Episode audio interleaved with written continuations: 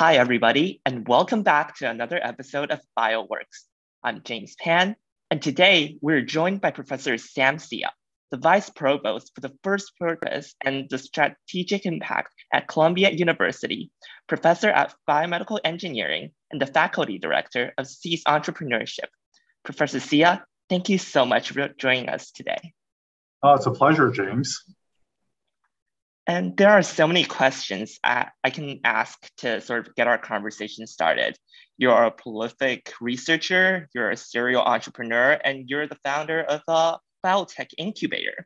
But I want to sort of first focus on how you got started on research. During your PhD at Harvard, I noticed that you focused more on structural biology and protein engineering. But then you transition during your postdoc into the field of microfluidics, where you have remained ever since and have been producing many revolutionary breakthroughs. And I'm wondering what is kind of the motivation for your transition of these research disciplines and how did you face the steep learning curve of entering this new field? Yeah, wow, these are great questions, James. I mean, I really started um, falling in love with the sciences. And, you know, when I was a, a kid, I would read um, uh, books, about, really inspiring books about amazing discoveries. So this would be books talking about Richard Feynman, uh, for example, Genius by James Gleick.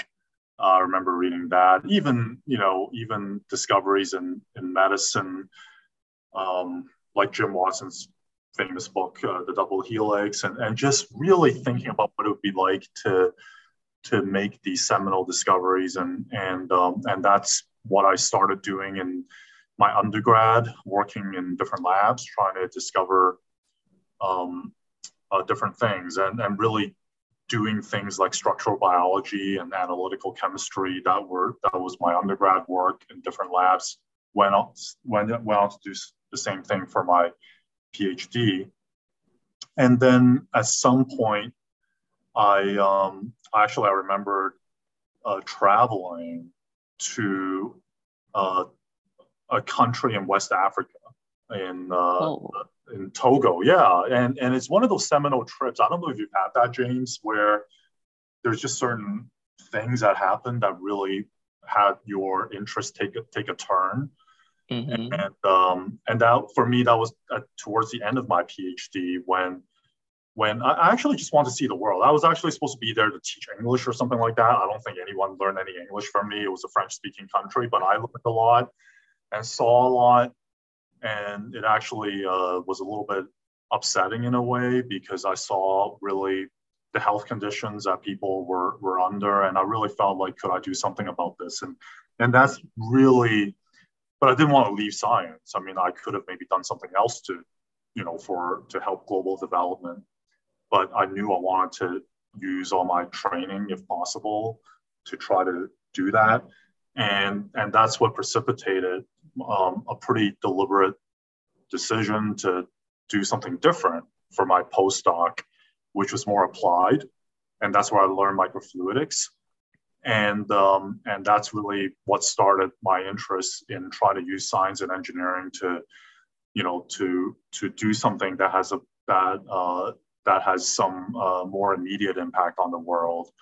Uh, started with my postdoc continued on when i joined columbia as an assistant professor in uh, 2005 wow. That trip really changed your research direction.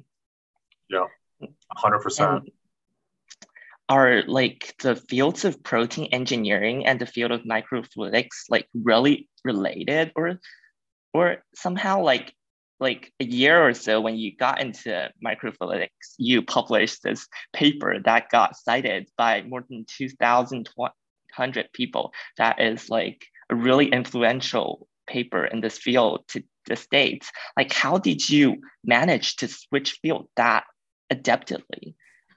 Yeah.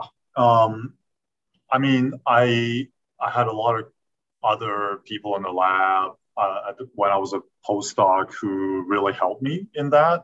There were other people working on microfluidics. At that time, microfluidics was still relatively um, you know, relatively new.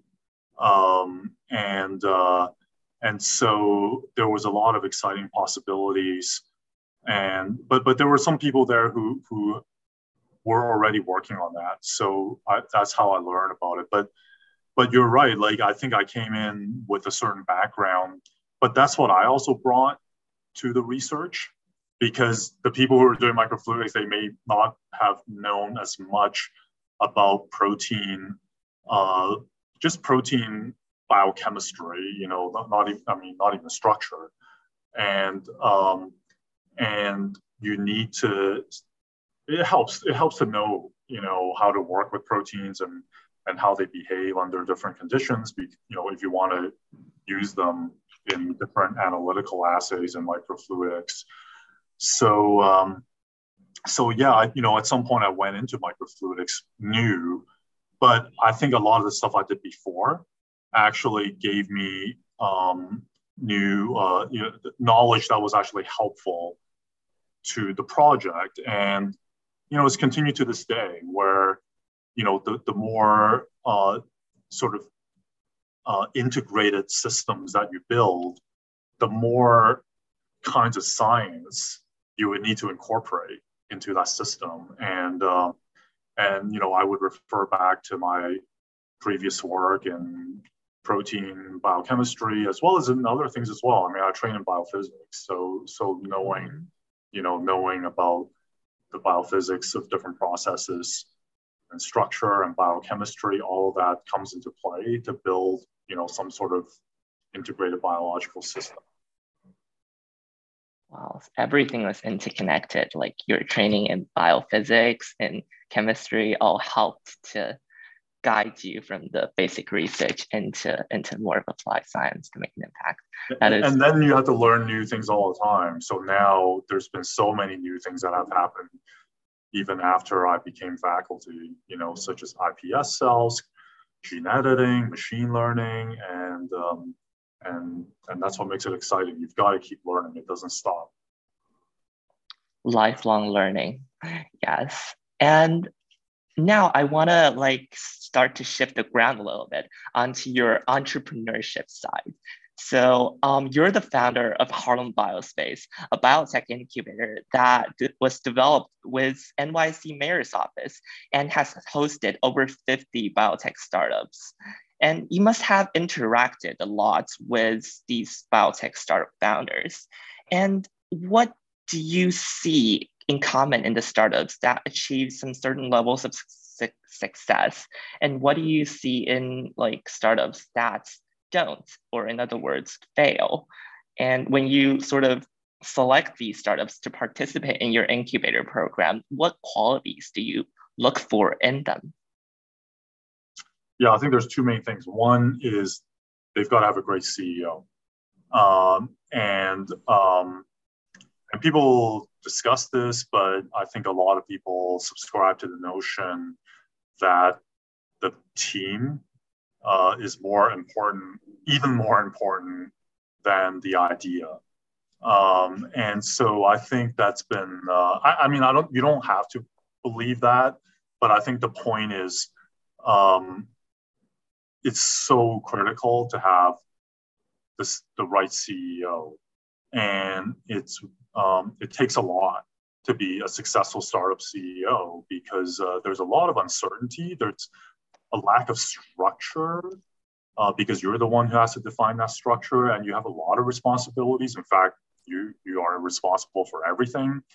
And, um, and so you have to have a certain degree of uh, resourcefulness and um, emotional, you know, uh, sort of um, you, know, you, you have to be able to handle a lot of uh, adversity because uh, because not everything's going to go right at the beginning, and so it's it's you have to have a person who can who can handle that, and, and sometimes you know it, it, it's the scientists themselves, but um, but I think the successful ventures almost always have that really uh, you know that really right CEO and, and the second thing is the idea, but it's not uh, necessarily the most innovative technology. Uh, what, what I when I say the idea, I, I mean an idea that actually has a market that fits a market, and it's going to be an idea where you do have some technology advantage, but it also has to fit a market need. And sometimes people call this the product market fit. It's actually very hard to do because a lot of times people want to just keep pushing the technology that they invented, even when it doesn't really solve the problem better than the competitors. So it's a little bit easier said than done. But I think that you almost need those two things, you know, in almost every case. Um, and and the ways it could go wrong are just above like a, a, anything, you know, any other way. And um, and um, but but the thing is, you know, you don't have to be right all the time in a startup. You only really have to be success. You have to only be right once in order for a startup to succeed. And so it's okay to not have everything go right. And, and maybe you are the right CEO, but maybe you haven't, you know, you're still learning certain things. Um, you're not failing because of that. It just means you're not, you haven't gone to the next step right now maybe your idea isn't quite right yet. That doesn't mean you failed, right? So that's the thing about the startup is as long as you keep working at it, uh, maybe you can, you know, you, you you can keep working at it. You can keep refining your idea. You can change your team, and you know, it's just about how long you're willing to to do this for um, before uh, you hopefully get you know get to a successful path. Mm-hmm idea and the CEO, and also learning from failure. And I listened to the podcast you did with Oren from Columbia Technological Ventures, in which you talked about the importance of failure in these entrepreneurship uh, endeavors. Could you like perhaps go into a little detail about that, about like some of your most like formidable challenges, like like are there any examples when you ran into at Claros or Rover that really made you start to question whether you're pursuing the right thing, or have you always been confident in that your venture would work out? Yeah, I mean, I think almost everything I've done, you know, it, it never really worked the way I wanted to the first time.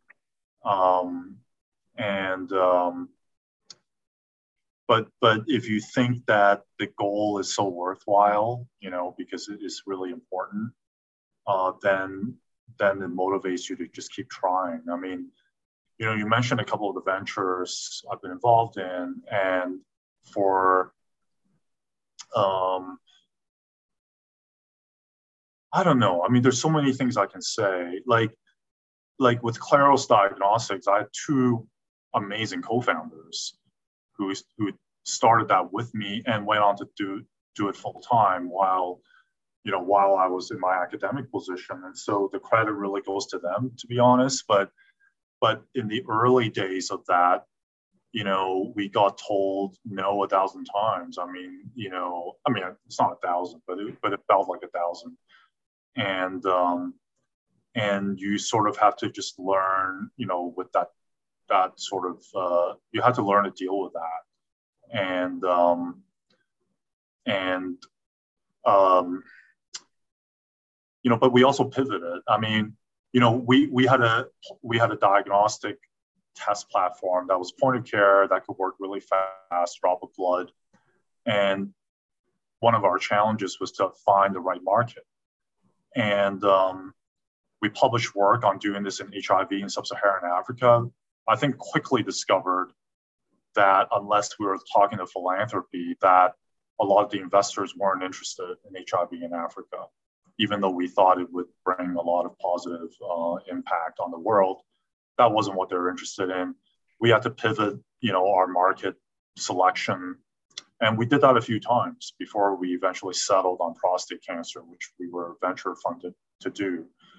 Uh, but you know, you, you never really know what's going to work. And in fact, we had a whole deck, I, I mean, you know, probably 20 different, very different applications that we were looking at. We were looking at pets. You know, people were telling us, don't do this for humans. That's not the way to start. The way to do this is to like, you know, treat your treat your dog, you know, some some disease for your for a horse. Actually, I remember that people were saying this is this is a great idea. You've got but you've got the wrong application. You've got to do this for horses. Have you looked at like equine encephalitis?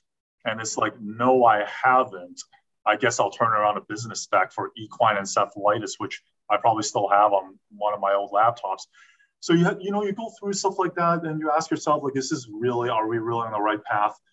But we you know we thought that it was compelling enough. We would meet the right people to support our vision. That's just an example. Um, and you know, um, and at some point you're going to say, "Am I ready to give up, or are we going to keep running with it?" There's no easy answer, but it's almost the case that you're not going to get the yeses the first time.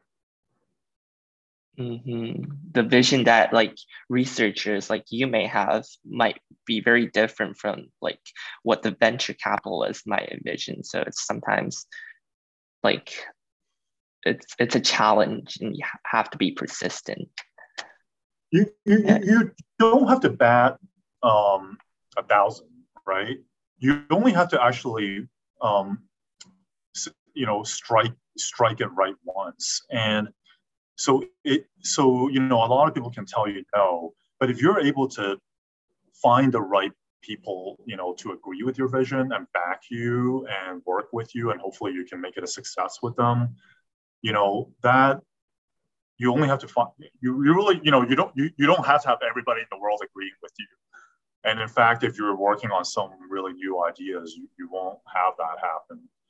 Um, but you also have to be realistic because sometimes if everybody tells you something, then you have to really analyze what's going on. So that's the challenge of uh, doing a startup is is being both an optimist and persistent, but also being very listening very carefully to what people have to say and um, and making the right making the right call. Mm-hmm. And you stress that like you don't have to hit it the first time, so you can have multiple ideas and to pursue them. And um, I'm kind of curious. You have been very innovative and very consistent in generating very innovative ideas. You've been named um, top young innovators by the MIT Technological Review and NASA.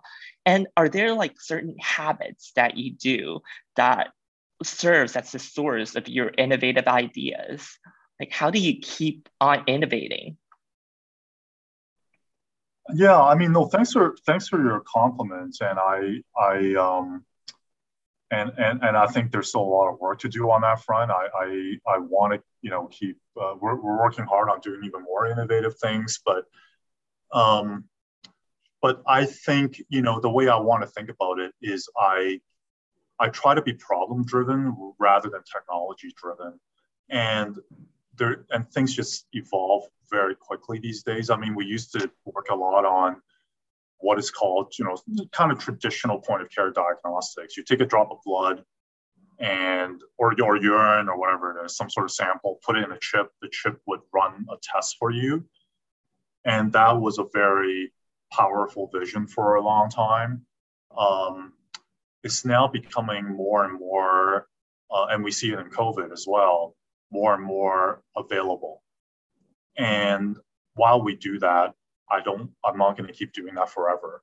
When, uh, when the bar for what the for, forefront, you know, is, uh, keeps changing. And, and so I think, you know, just being willing to not be wedded to one technology, uh, you know, like we do microfluidics. We start my lab started doing microfluidics. That's still kind of a bumper sticker I give, but you know, probably most projects in my lab are not even microfluidics.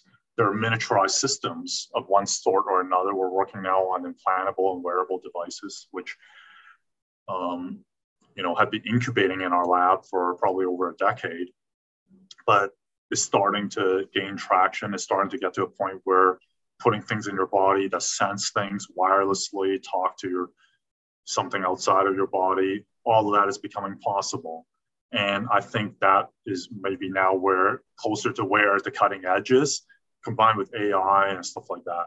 So I think like you know, is that something we had a lot of experience in before? No, but not, neither did other people really, because you know they might have they might be approaching it now from their own expertise, but we're approaching it from ours. And I think you want to keep pushing yourself.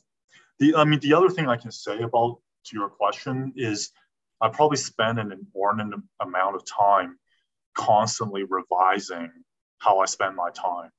And I really spend a lot of time working on how I spend my time. And I, I devour a lot of books.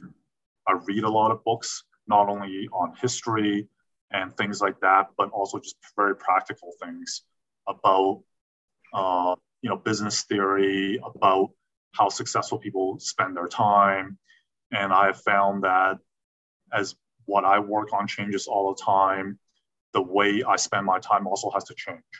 And and and one thing I'm finding out also is change over time is the way you interact with technology.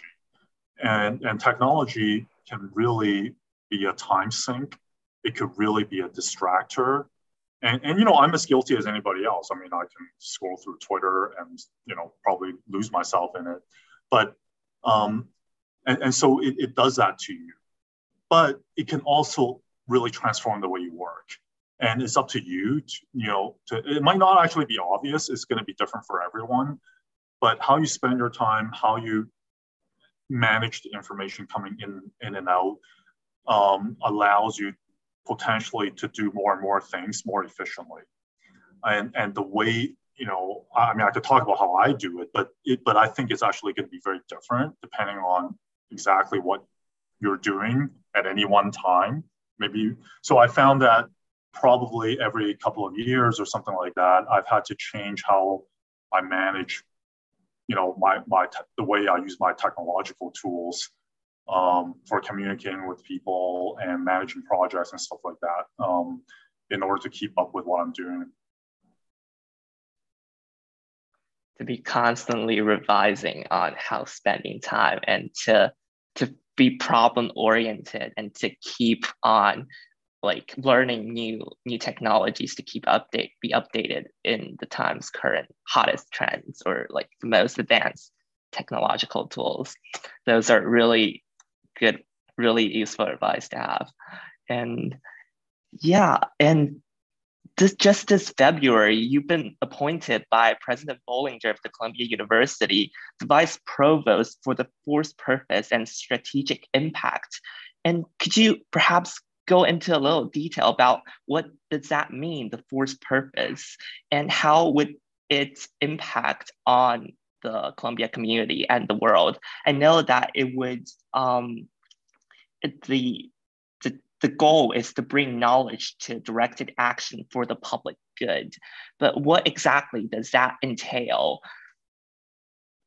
Yeah, so this this is uh, very new, um, but it's a vision that started with uh, the president of Columbia, President Bollinger, really recognizing that uh, in addition to the traditional missions of the university, which are not going to change, it involves research, it involves uh, education, and also involves something called service, where uh, we want to be, uh, you know, doing things with the government, uh, and and and, uh, and sort of to our professional societies and, and so forth, that there could be a fourth purpose to what a university could be doing um, for for the world, and what that means is to really sort of bridge knowledge and uh, impact, or knowledge and action, and and not to really not stop at producing knowledge, but to actually be a very active participant in uh, helping to uh, use that knowledge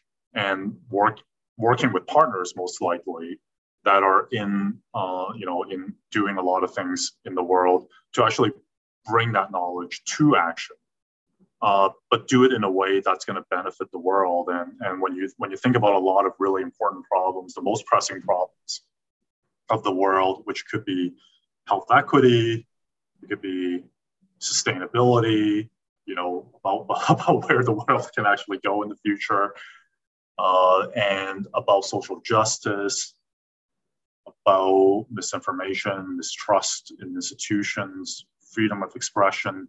These really, really central problems of society, what is the right role of a university? Should we be producing some academic papers only, which we have to do? It's really, you know, something that universities are the best at, you know, but like, is that where we, we have to stop? Or can we um, still do it in a very nonpartisan but but but relevant way?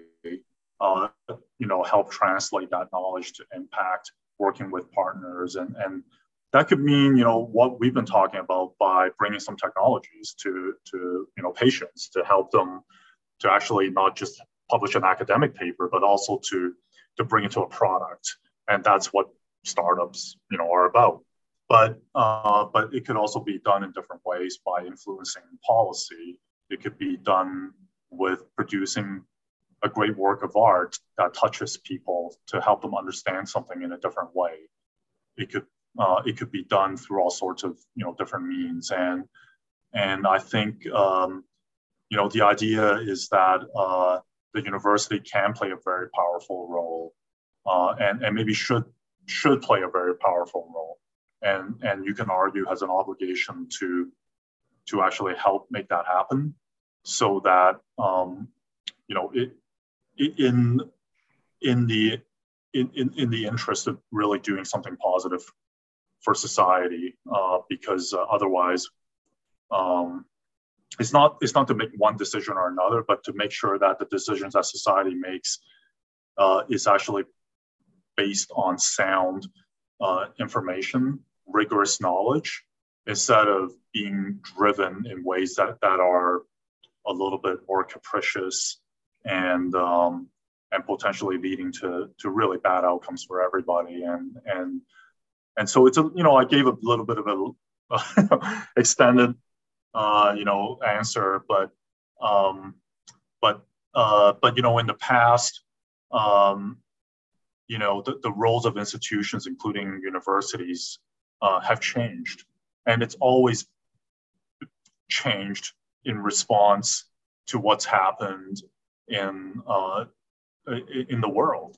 You know, what, what we're doing at universities is not divorced from what's happening in the world. And so I think a lot of things are happening in the world today that, you know, it, the world looks very different today from the, it did a while ago. So, uh, so the role of a university, you know, should should maybe also, uh, you know, have a little bit of a rethink, you know, in terms of what that role should be in order to affect uh, you know a positive outcome for everybody. I don't know if that that resonated or if that made sense, and but a lot of people are already doing that. But we hope to uh, you know further encourage and support that that work because you know it, it could be really impactful for for everyone. Definitely, definitely. Like the the purpose of university lies not only in understanding the world, but most importantly in how to change the world. And that would require a lot of like spin-off, like products from academic research. And really excited that Professor Sia, you're gonna play a major part in leading this this um, this job at Columbia University. And I know that many undergraduate students are very interested in engaging in entrepreneurship endeavors. And um, you're the faculty director for Columbia Engineering's and Entrepreneurship Office. And um, many students have talked to me at like lunches or events about how they're quite curious about the process of launching business ideas while at school.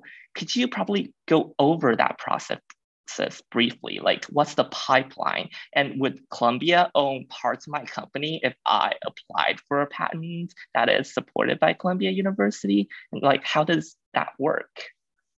Yeah, we, you know, first of all, like I, I don't think there's been any time better than now ever, you know, to, to be in engineering. Um, and uh, you know, I think it's actually quite obvious. You probably you know, already agree with me. I mean, it's so exciting right now, uh, what's going on, um, and um, and there, you know, there's so many different possibilities for how technology can be further advanced to, to help society, and and um, and the cycles of prototyping, coming up with new ideas, you know, to building prototypes, whether it's hardware or software, and to sort of get a, initial market validation, iterating, you know, those cycles are shortened because of a variety of different resources available now, and and you can do that as a student, and uh, and we definitely support that here at Columbia. We have a makerspace that would allow you to make products based on your own ideas. Um, and we have a Columbia Venture competition going on right now. You know, I don't know if it's still going to be active by the time this is, mm-hmm. you know, uh, available, but but check that out. The Columbia Venture competition is hundreds of thousands of dollars given to your ideas uh, that you come up with, and unless you are doing this you know, in a Columbia lab or, you know, um, meaning a research lab, not, not in our makerspace, you know, but in a research lab. Um, and, and, you know, there, there's some rules here, which I don't want to get in trouble by, by saying them wrong, but that's sort of the gist of it. Unless you're working in like a faculty lab, then yeah, that work. If you you know, it goes through the, the faculty and and the, and and that research lab, you know, that the IP there is owned by the university. But if you're a student and you come up with an idea, software, hardware, whatever it is, uh, that you are then working on, uh, supported even by some, you know, uh, student project types of grants that we give you, that is that IP is not owned by Columbia. That, that's not. We don't want to do that. We're not here to own your IP. We're here to really try to uh, ignite, you know, your um, creativity. Um, we want to really support your education and your interest in doing things that's going to benefit the world you know and and if that's entrepreneurship then then that would be great. Now if and when you succeed we are really going to bug you to come back and give us uh, hopefully you know remember us and maybe you know, don't donate some money to us. But when you're a student it's, it's not that's not the relationship we're here to really just want to have you succeed and we and we're, we're going to be super proud of your accomplishments and no we don't own your intellectual property if this is an idea you work on even if you're doing it in our lab, um, our maker space, you know, working on your own idea, even with money that we give you uh, on that, go through our boot camps. Um, you know, we're, we're, you know, we, so, so that's kind of what it is. And there's a whole bunch of resources that could be available to, to support you. And uh, whether it's ideation, whether it's partnering with people, boot camps, whether it's physical, you know, maker space, whether it's uh, the, you know, business plan competitions and um, as well as, you know, interacting with our faculty, you know, if, if it's your, if it's an idea you have and then you had a conversation with the faculty, that, that doesn't mean, you know, the Columbia doesn't own your IP because of that either. Like we, our faculty are here also to, to have uh, intellectual uh, conversations and dialogues with you. So, um, you know, so so hopefully, you know, we're gonna do even more and more of that, and we will.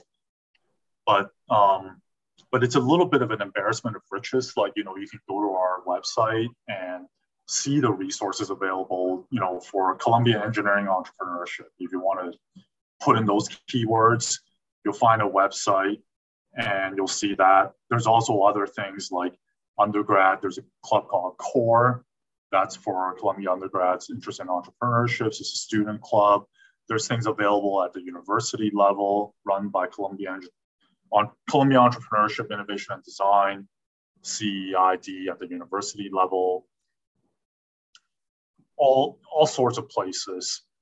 And um, you know, the biggest challenge might actually just be to navigate all that to, to find the thing that's you know find the things that you want to be involved in. Um, yeah yeah, Google Columbia SEAS entrepreneurship for for the entire pipeline and information. That is all you listening out there. Take a look. Well, um, thank you so much, Professor Sia, for joining our conversation today. It has been great to learn about your path at the intersection of biological science, engineering, and entrepreneurship. yeah, good. You know, great talking to you, and uh, good luck to everyone listening on uh, everything that you're doing. Thank you so much.